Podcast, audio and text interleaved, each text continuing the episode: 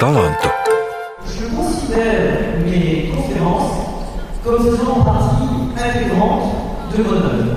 Es uzskatu savas konferences kā savas mākslas neatņemamu sastāvdaļu. Tādēļ, ka ir tik daudz visādu attēlu un baumu, kas mani pavada, ka man ļoti patīk, ja man ir iespēja pastāstīt tuvāk, kādu vēstījumu es vēlos sniegt ar saviem darbiem. Jo reizēm mēdīji stāsta pilnīgs pupu mīzes par to, ko es daru. Orlāna. Šis mākslinieces pseidonīms nav lokāms un rakstāms ar lielajiem burtiem.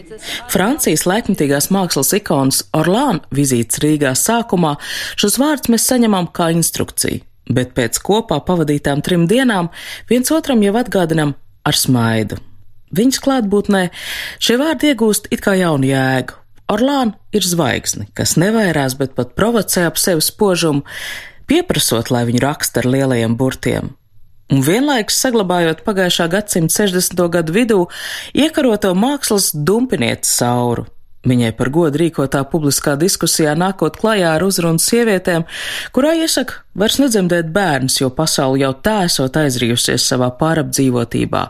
Viņa paliek nelokām, uz uzdotajiem jautājumiem atbildot ar savu kādreizējo provokatīvo performanču aprakstiem. Orlāna klātbūtne Rīgā un arī viņas izstādes atklāšana dekoratīvās mākslas un dizaina muzejā ir viens no Rīgas kā Eiropas kultūras galvaspilsētas notikumiem un mēs Orlānu saņemam kā gatavu laikmatīgās mākslas zīmolu. Mans vārds ir Anda Buševica, un šajās Orlāna vizītes Rīgā trīs dienās ir brīži, kad man tomēr šķiet, ka 60. gadu feminismu saukļi, kad bērnu dzemdēšana patiešām tika uzskatīta par šķērsli sievietes pašrealizācijai, ka ķermenis tik tikko tika pieteikts kā prātam līdzvērtīgs pasaules izziņas līdzeklis un arī diskusija objekts, pēc gandrīz pusgadsimta norit jau mazliet atšķirīgā gultnē. Lai gan attiecināts uz Latviju, šis apgalvojums atkal kļūst ļoti sarežģīts.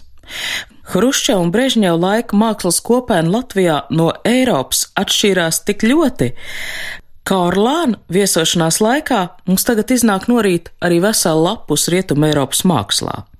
Un tas notiek ar diezgan lielu apetīti. Latvijas Mākslas akadēmijas zāle ir pārpildīta, un tie nebūtu nav tikai mākslas studenti. Es tiesājos ar Lediju Gagu, ja tā var teikt, kura ir piesavinājusies daudzus manus darbus. Šeit tas ir pilnīgi kaut kas cits, jo no vienas puses tas ir cieņas apliecinājums, no otras puses sadarbība. Tātad šajā izstādē visas personas, kas bija klāt, tām visām bija iespēja izmēģināt dažādu veidu kino, makiāžu, dažādas mākslīgas uzpariktes. Orlāna tiesāšanās ar popzvaigzni Lēdiju Gaga.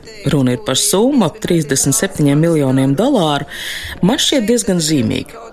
Un ne tik daudz tāpēc, ka tā ir savs dramaturģijas potenciāls - zvaigzne pret zvaigzni, vecums pret jaunību, māksla pret popkultūru, bet tas arī acīm redzam parāda, ka mēs runājam jau par notiekošu procesu.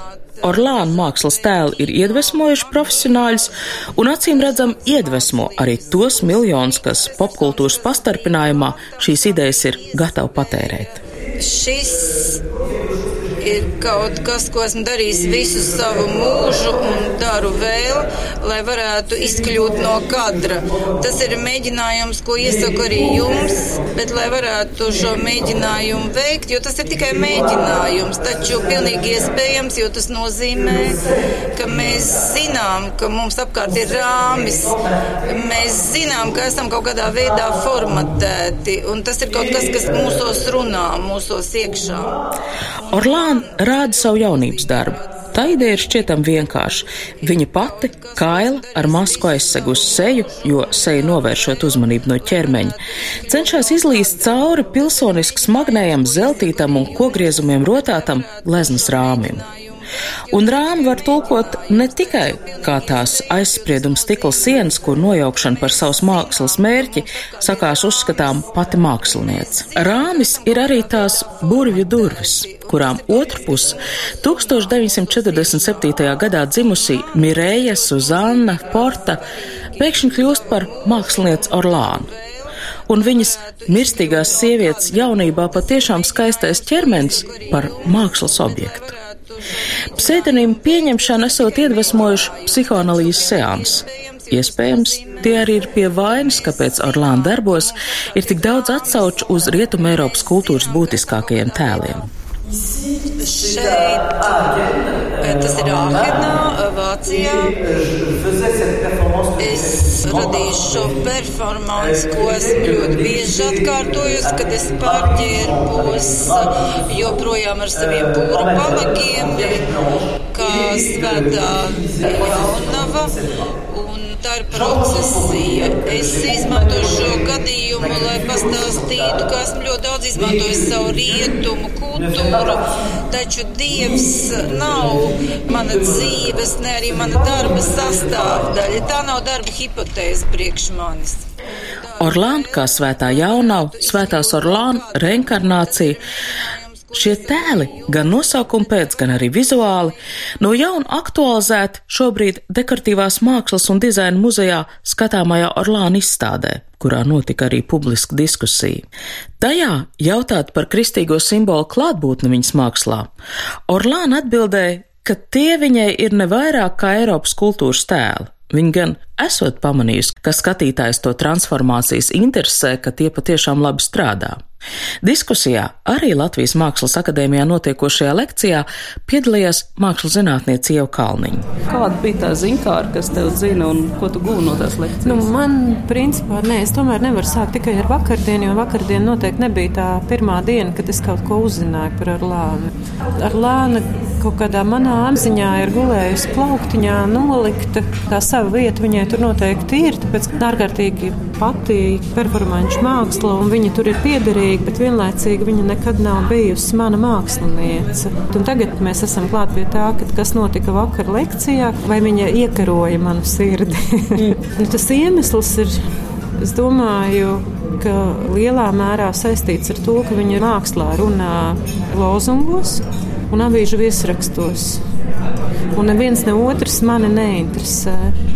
Respektīvi, man interesē kaut kādas daudz personīgākas lietas, personiskāki stāsti, kuros ir nu, varbūt iespējams lielāks vispārinājums nekā šajos atsevišķi izrautajos lozungos un, un tādos nu, deklaratīvās tēzēs, kas ir Norlānai ļoti raksturīgas.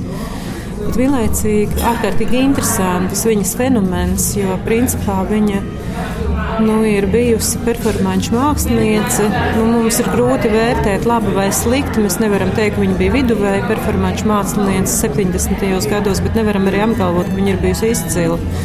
Jo viņas tā spožākā nu, zvaigžņu stunda saistās ar 90. gadu sākumu, kad visu pasauli pāršāls šī ziņa, nu, kad ir Francijā tāda mākslinieca, kura visu laiku sevi pāroperē kosmētiskajās operācijās, mainot savu tēlu. Faktiski iznāk tā, ka ja māksla operē un performancēs, nu, performancēm vispār raksturīgs ir tas, ka ķermenis ir mākslas mēdījis.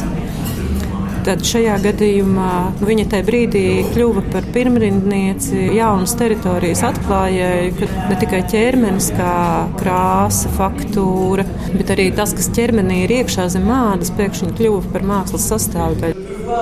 No šī brīža es varu apskatīt pati savu uzšķērsto miesu bez sāpēm. Es varu ieskatīties savās iekšās, un tā ir jauna pakāpe. Es varu ieskatīties savā mīļākā sirdī. Šis ir fragments no miesas mākslas manifesta, ko Orlāna nolasīja arī lekcijā. Mīļā, man patīk tavas aknas, man patīk tavs aizkuņģa dziedzeris. Un tava augšstilba izliekums mani uzbudina. Brīvība. Tas viss tika taisīts publiski, šīs plastiskās operācijas. Un, e, faktiski viņas bija režisētas kā pašvērtīgi iestudējumi kuros viņa nu, gan visi dalībnieki bija ģērbti smalku dizaineru tērpos. Līdz ar to tā vide nu, nekādā veidā neasociējās mums ar uh, nomācošo slimnīcas tēlu, bet ar kaut ko tādu fantastisku. Pati operējamā persona vienmēr lasīja priekšā kādus tekstus kamerā. Līdz ar to nu, atkal tiek pārkāpts tas, ka tas operējamais ir nevis kaut kāds upuris, ja, bet viņa apgāž to un kļūst par nu, galveno varoni, kurai tajā mirklī, kad viņai tur kājā zem ādas vada kaut kādu trūbu plastmasas, tajā brīdī viņa mierīgi lasa tekstu publikai. Ambidextre, hermaphrodite et métisse. Que pourrait-il nous faire voir à présent sous sa peau? To briesmonis tetovēts abrocis hermafrodīts jauktens. Šis ir teksts, ko Orlāna lasa savas septītās plastiskās operācijas laikā kuras mērķis bija ar implantu palīdzību pārveidot viņas pieru tā, lai tā būtu līdzīga Monas Lizas pierai. Mais elle ne dit jamais la chair. Qui, tout justement, Viņai bija deviņu plastisko operāciju sērija, kuras varbūt arī nebūtu izsaukušas tādu rezonanci, bet nu, es saprotu, ka Orlāns mīlestība uz tehnoloģiju sasniegumiem nodrošināja viņai to, ka visas šīs operācijas tika dokumentētas un vienlaicīgi tika translētas vismaz trijās pasaules galerijās, dažādos kontinentos online. Tas tomēr bija tas laiks, kad tas internets arī nebija vēl pašsaprotama lieta. Ja, tas 90. un 93. gads. Ja, piemēram, nebūtu šī translēšana, tad es domāju, arī tas varētu palikt viss tādā nu, stāsta līmenī. Līdz ar to tur būtu iespējams vairāk iztēloties.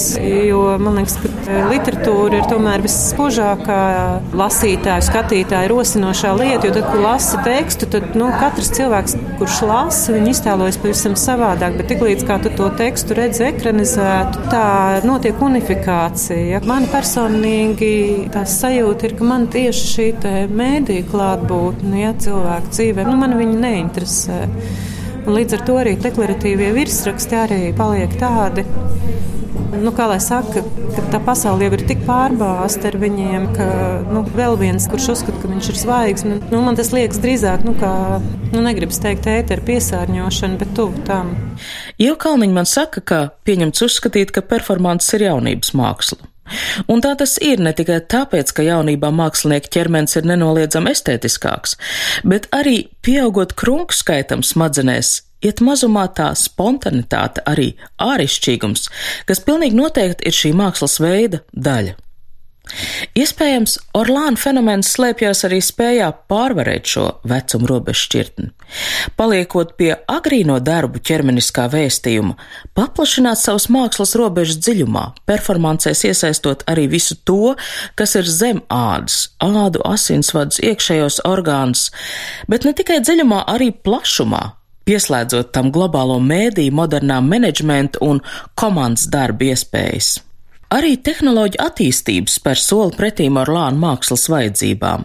Pēdējos gados viņi savu izskatu nepārveido vairs plastiskajās operācijās, bet gan ar datorgrafikas palīdzību, piemēram, aicinot apspriest skaistuma ideāls dažādās kultūrās. Ar, um, šīs deformācijas ar acīm, kas skatās uh, uz degunu, skaistums patiešām ir dominējošās ideoloģijas jautājums šeit un tagad ir izlēmts, ka sieviete, kas ir skaista, skaista, tātad seksīga, attraktīva, mīlama, kurai ir žirafs kakls. Piemēram, šī afrikāniete, cik viņa ir ārkārtīgi pārliecināta par savu savādzināšanas mākslu. Tā tad es gribētu jums pateikt, ka, piemēram, sasaistītas kājas, tas ir tas pats kā augsti papēži.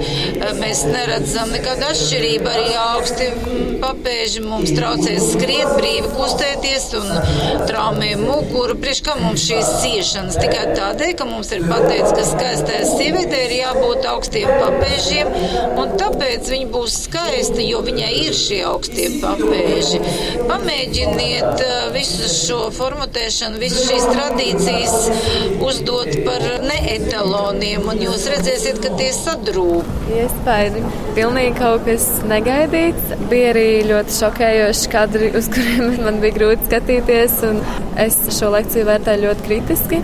Daļu es paņēmu priekš sevis, daļas atstāju tur, kur tā jābūt. Nu, teiksim, visam es nepiekrītu. Domāju, jāpajautā, kāpēc jūs nācāt? Jo man ļoti interesē māksla, un es gribu redzēt um, dažādas mākslas izpausmes. Šī ir viena no tām. Jūs piekrītat tam, ko pat Orlāna teica, ka nu, šajā gadsimtā jāstrādā ar tām lietām, ko dzīve mums piedāvā? Jā, bet ne ar visām. Es personīgi uzskatu, ka cilvēkam nevajadzētu jaukties savā ķermenī ar dažādām plastiskajām operācijām, ar ķermeņa kropļošanu un uh, tādām lietām. Tas galīgi nav tas, pie kā es pieturos. Fotogrāfa Māra Brašmana. Nu, iespaidi ir ļoti spilgti. Nē, personīgi man patīk. Man patīk, ka ir cilvēks, kurš realizē sevi un ka viņš spēj to pārliecinoši izdarīt. Bet stāsts sākās 70. gados. Laiks, kas arī jums Jā. ir pazīstams mākslas kopā. Kā tā atšķirās mm. Latvijā, Francijā? Ak, tu Dievs, ne, nu, viss atšķīrās, bet cik līdzīgi. Nu, tas, domājot par Andru Grīnbergu, tā, viņš tieši tāpat Viņš arī 68. gadā, 70. gadā viņš savus kāzas organizēja. Un, ja viņam būtu tāda rīcības brīvība, es domāju, ka viņš arī būtu tā teikt, nu, stipri iespaidīgāks savā izpausmēs. Kad tapja jūsu fotografijas, jūs domājat par ķermeni, par eksponēšanu? Man tas nekad nav aizrāvis. Es biju pārāk kautrīga. Man interesē cilvēks un viņa dvēseles kustība, varētu teikt. Nu, es nezinu, man kaut kā interesē vienkārši personības. Mm -hmm. Bet man patīk, ka cilvēks ir brīvs, ka viņš spēj radoši izpausties. Kā viņš to dara? Nu, nekas nav vienkārši patiesībā. Nekas jau nav vienkārši. Māksliniecei Orlāna. Merci beaucoup. Je suis vraiment euh, très, très. Milzīgi liels paldies visiem. Es redzu, ka manai filmai, kur norisinās Rīgā, ir milzīgi plašs un liels aktieru pulks. Très heureuse de. Un tiešām milzīgi liels paldies par jūsu silto un sirsnīgo uzņemšanu. Je suis très fier de, de participer à cette. Ja šogad Rīga nebūtu Eiropas kultūras galvaspilsēta, es laikam nekad nebūtu iegriezusies Rīgā un nekad nebūtu iepazinusi jūsu brīnišķīgo pilsētu. Je voudrais vous dire euh, deux mots sur cette exposition pour vous donner. Varbūt tagad es gribētu pateikt pāris vārdus par šo izstādi, lai jums iedotu varbūt pāris atslēgu vārdus, lai jūs labāk izprastu, kas šeit ir izstādīts. J'ai travaillé pendant une quinzaine d'années sur ce plan du film. Šeit jūs redzat eh, darbu, projektu plānu du film, pie kura es esmu strādājis nu jau kādus 15 gadus, bet īstenībā šis projekts laiku pa laikam piedzīvo jaunas izpausmes, un ja mēs runājam par Rīgu, tad speciāli šeit Rīgas izstādē ir tapis brīnišķīgs katalogs. Le départ en fait de toute cette série a été une phrase de Godard qui parle d'un film de Un faktiski šo te darbu, šo te ideju māksliniece aizsāka pateicoties režisoru Godāra teicienam par uh, citu režisoru Bekēra filmu, kurš teica, ka šī ir brīnišķīga filma, bet teicoties tam, ka viņa ir uzņemta no otra gala, no beigām. Et donc, j'ai travaillé sur un film qui n'est Īstenībā mana doma bija tāda, ka es sāku veidot eh, šos te plakātus nēsošai filmai. Pie dekoratīvās mākslas un dizaina muzeja 7. novembra vakarā izritināts sarkanais paklājs. Ieejas poži izgaismot, un filmu zvaigznes uznācienam radītā pompozā noskaņa attaisnojama, jo sasaucās ar izstādes nosaukumu - Leplandu filmu un citu scenāriju. Šī ir Orlāna filmas, pie kam nevis viens, bet vairāk uzreiz Rīgas pirmizrāde. Seno Svētā Jūra baznīcu izgaismo kinoteātru gaismas kastēm līdzīgas kino afišas. Zemāk, skatītājiem pieejama augstumā, planšetdatori ar tekstiem, kas atdarina filmu sinopsis. Mākslas zinātniece, Latvijas Leknitīgās mākslas centra vadītāja Solvita Krese. Kādi ir tie pirmie iespējas par izstādi? Droši vien cilvēki, kas zina Lāras Daļradu, varbūt sagaida kaut ko no viņas tā zvaigžņu perioda, kad viņa tieši nodarbojās ar šo bodyārtu, un tas varbūt ir tāds zināms pārsteigums neieraudzīt to, ko mēs gaidām, bet ieraudzīt kaut ko citu. Nu, jā, man liekas, ka uz šo izstādi ir jāskatās tā kā uz tādu mīta turpinājumu vai tādu mitoloģijas rakstīšanu, kur noteikti ir jāzina diezgan daudz arī tā tā zemteksta šai izstādē. Tāpēc man liekas ļoti labi, ka ir šī touchscreen, kurā var arī kaut kādu zemtekstu salasīt un apkopot. Man liekas, ka tas ir interesanti. Jā, varbūt kaut kur drusku tāda mazuma piegarša, bet nu, jā, tā varbūt tā ļoti konsekventi un tīri izvēlēts kaut kāds viņas darbības segments. Spriežot pēc komentāriem internetā, diezgan riskanti vest ar lānu mākslu šeit, kur tai absolūti, man liekas, nav konteksta. Jā, nu, teiksim, tāda body art tradīcija Latvijā ir maz attīstīta. Tur, man liekas, var vienkārši skatīties, ka nu, teiksim, tās radošās izpausmes nav jau svarīgi, ar ko viņas dara, ar rotu vai ar, ar māliem vai ar savu seju. Un, Kā vakar man bija iespēja ar mākslinieci kopā vakariņot un apspriesties par viņas daļu. Viņa stāstīja, kā viņa vienkārši jā, nu, viņa ierauga kaut kādu afrikāņu masku un tad viņa izdomā, kāpēc nepārtaisīt savu seju. Nu, jā, nu, tas ir cik radikāls līdzeklis mēs izvēlamies. Tad man jāprasa, kāda ir cilvēcīga ir eh, Orlāna. Viņa viennozīmīgi ir dīva un viņa to apzinās. Arī tādās vakariņās, vismaz tajā oficiālajā daļā, viņa arī spēlē šo savu lomu. Bet pēc tam tādā sarunā ārpus šī oficiālā rāmja, tomēr viņa tā ļoti cilvēcīga un ieinteresēta. Zinu, ka viņa, piemēram, šodien arī bija apmeklējusi tirgu un sapirkusies zivis, un tā, ka viņai viss tur bija paticis, bet ka viņa arī tieši tā spontāni, ka viņai pēkšņi kaut ko ierauga un tad viņa to uzreiz metās pirkt un kā tā izdzīvot. Tādā neformālā sarunā, jā, nu tāds ļoti enerģētisks, tāds zinātnākārs cilvēks. Un, Ko viņi iesāks ar šīm zivīm? To es arī gribēju uzreiz prasīt, pagaidām, viņi taču rīt brauc projām. Par to, ka jābūt ļoti uzmanīgam ar strikti iezīmēto līniju starp Orlāna divas paštēlu un cilvēcīgu sarunu, pārliecinājos intervijas laikā. Viņas teikto latvisko tulīt palīdzēs Sandra Urtāna. Nav jau tā, ka Latvijā nekad nebūtu pastāvējis mākslas personību dievināšanas kults, taču tas ir bijis kaut kā savādāks. Man ļoti gribējās ar Lānu uzdot jautājumus par, manuprāt, būtisko. Un vēl man gribējās pietuvoties tām, kas slēpjas aiz zīmolam līdzīgā pseidonīma un sakonstruētās sejas. Kādas sajūtas ir tās svarīgās, lai izzinātu pilsētu? Pourquoi elle me pose des questions d'une manière générale Kāpēc tāds vispārīgs jautājums? Viņai patīk n'importe quelle autre jā, personne. to jau jebkuram citam var pajautāt. Viņai patīk nu, tādi tieši jautājumi, ne tik tādi abstrakti Labi, bet tad es filozofiski. jautāšu ļoti konkrēti. Jā. Šis, ko viņi iesāks ar tām zivīm, ko nopirka centrāla tirgu? Vai viņi tās izvēlējās garšas īpašību vai izskata dēļ? Je les ai achetés à la fois par rapport à leur aspect et aussi parce que je sais que les goûts sont différents de ceux que j'ai en France. Tās zivis es izraudzījos arī pēc viņa ārējā izskata, bet arī pēc garšas, jo zinu, tā garša noteikti būs savādāk nekā tām, ko es varu atrast Francijā. Et nous allons les déguster en arrivant dimanche soir. Un tās zivis mēs ēdīsim svētdienas vakarā kopā ar tiem autoriem, kas piedalījās šīs grāmatas izveidošanā ar Katrīnu Gremjē un Dominiku Panini. Bet patiesībā sakot, mans nolūks tiešām arī ir jūs kaut nedaudz iepazīt kā cilvēku. Piemēram, šajās afišās ir ļoti daudz tēlu. Kurš no tiem tēliem esat jūs pati? Vous savez, toutes les images qui, qui sont faites de moi, il y en a eu des quantités. Man ir ļoti daudz fotografijas. Esmu neskaitāmas reizes attēlot gan foto, gan video veidā, gan ā, arī glaznās.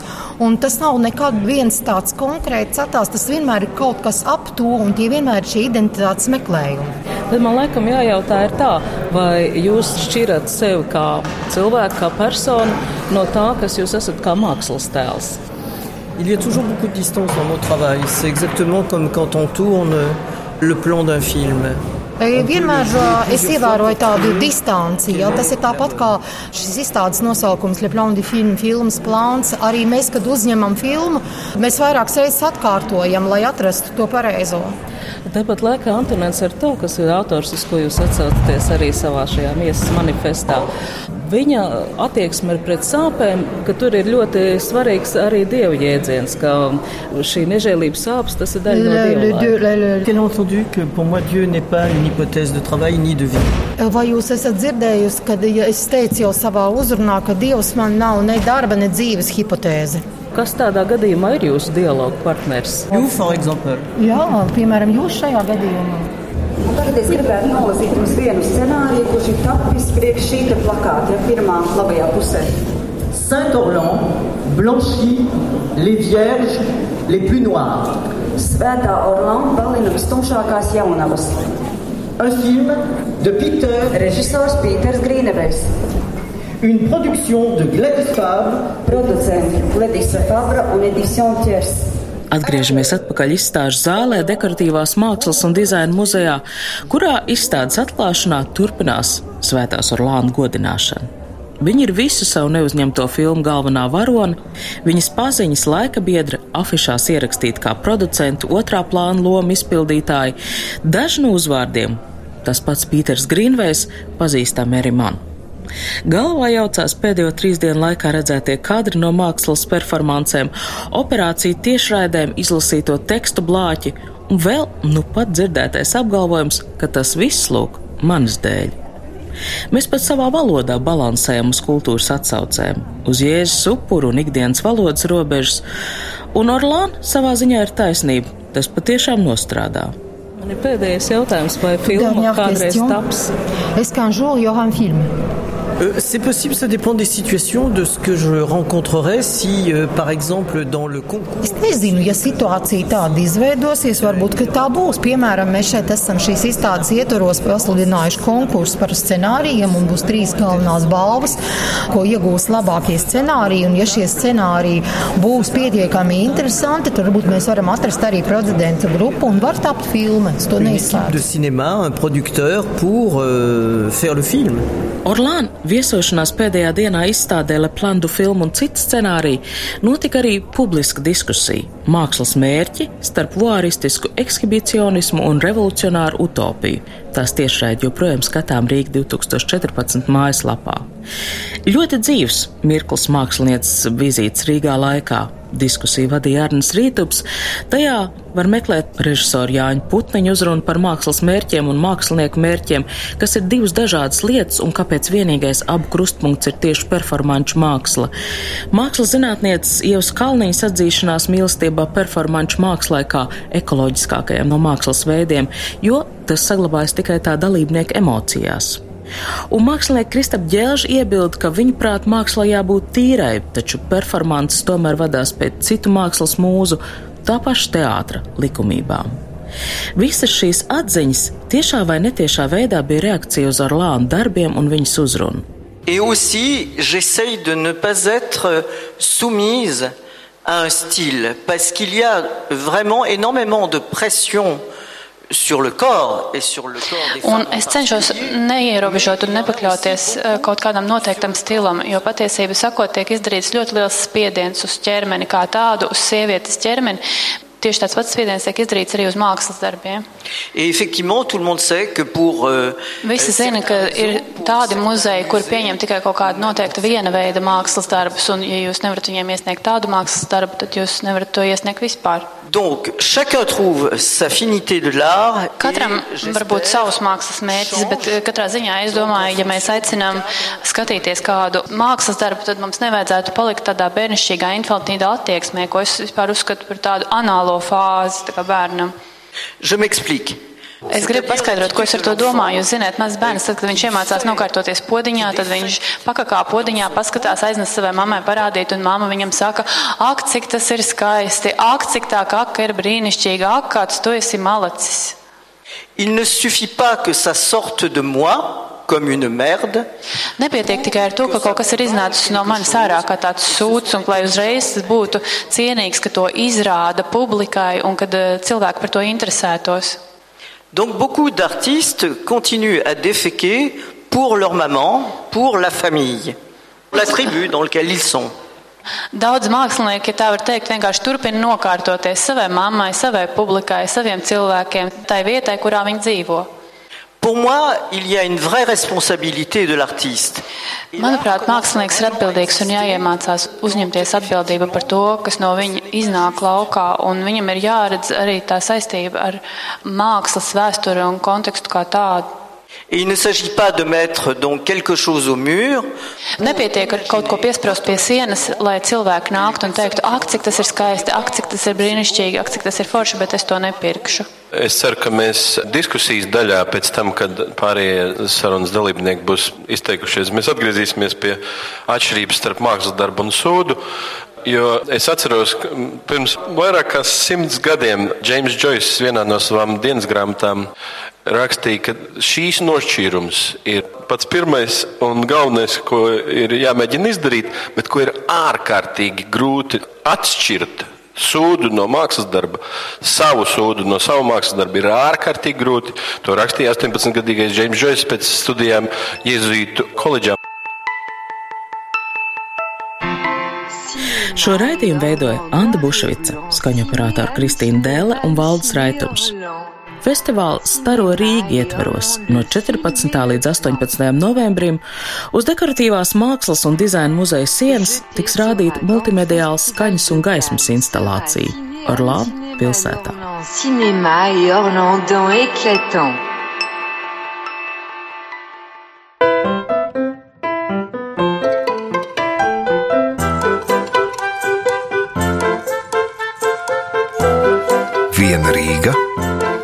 Daudz talantu.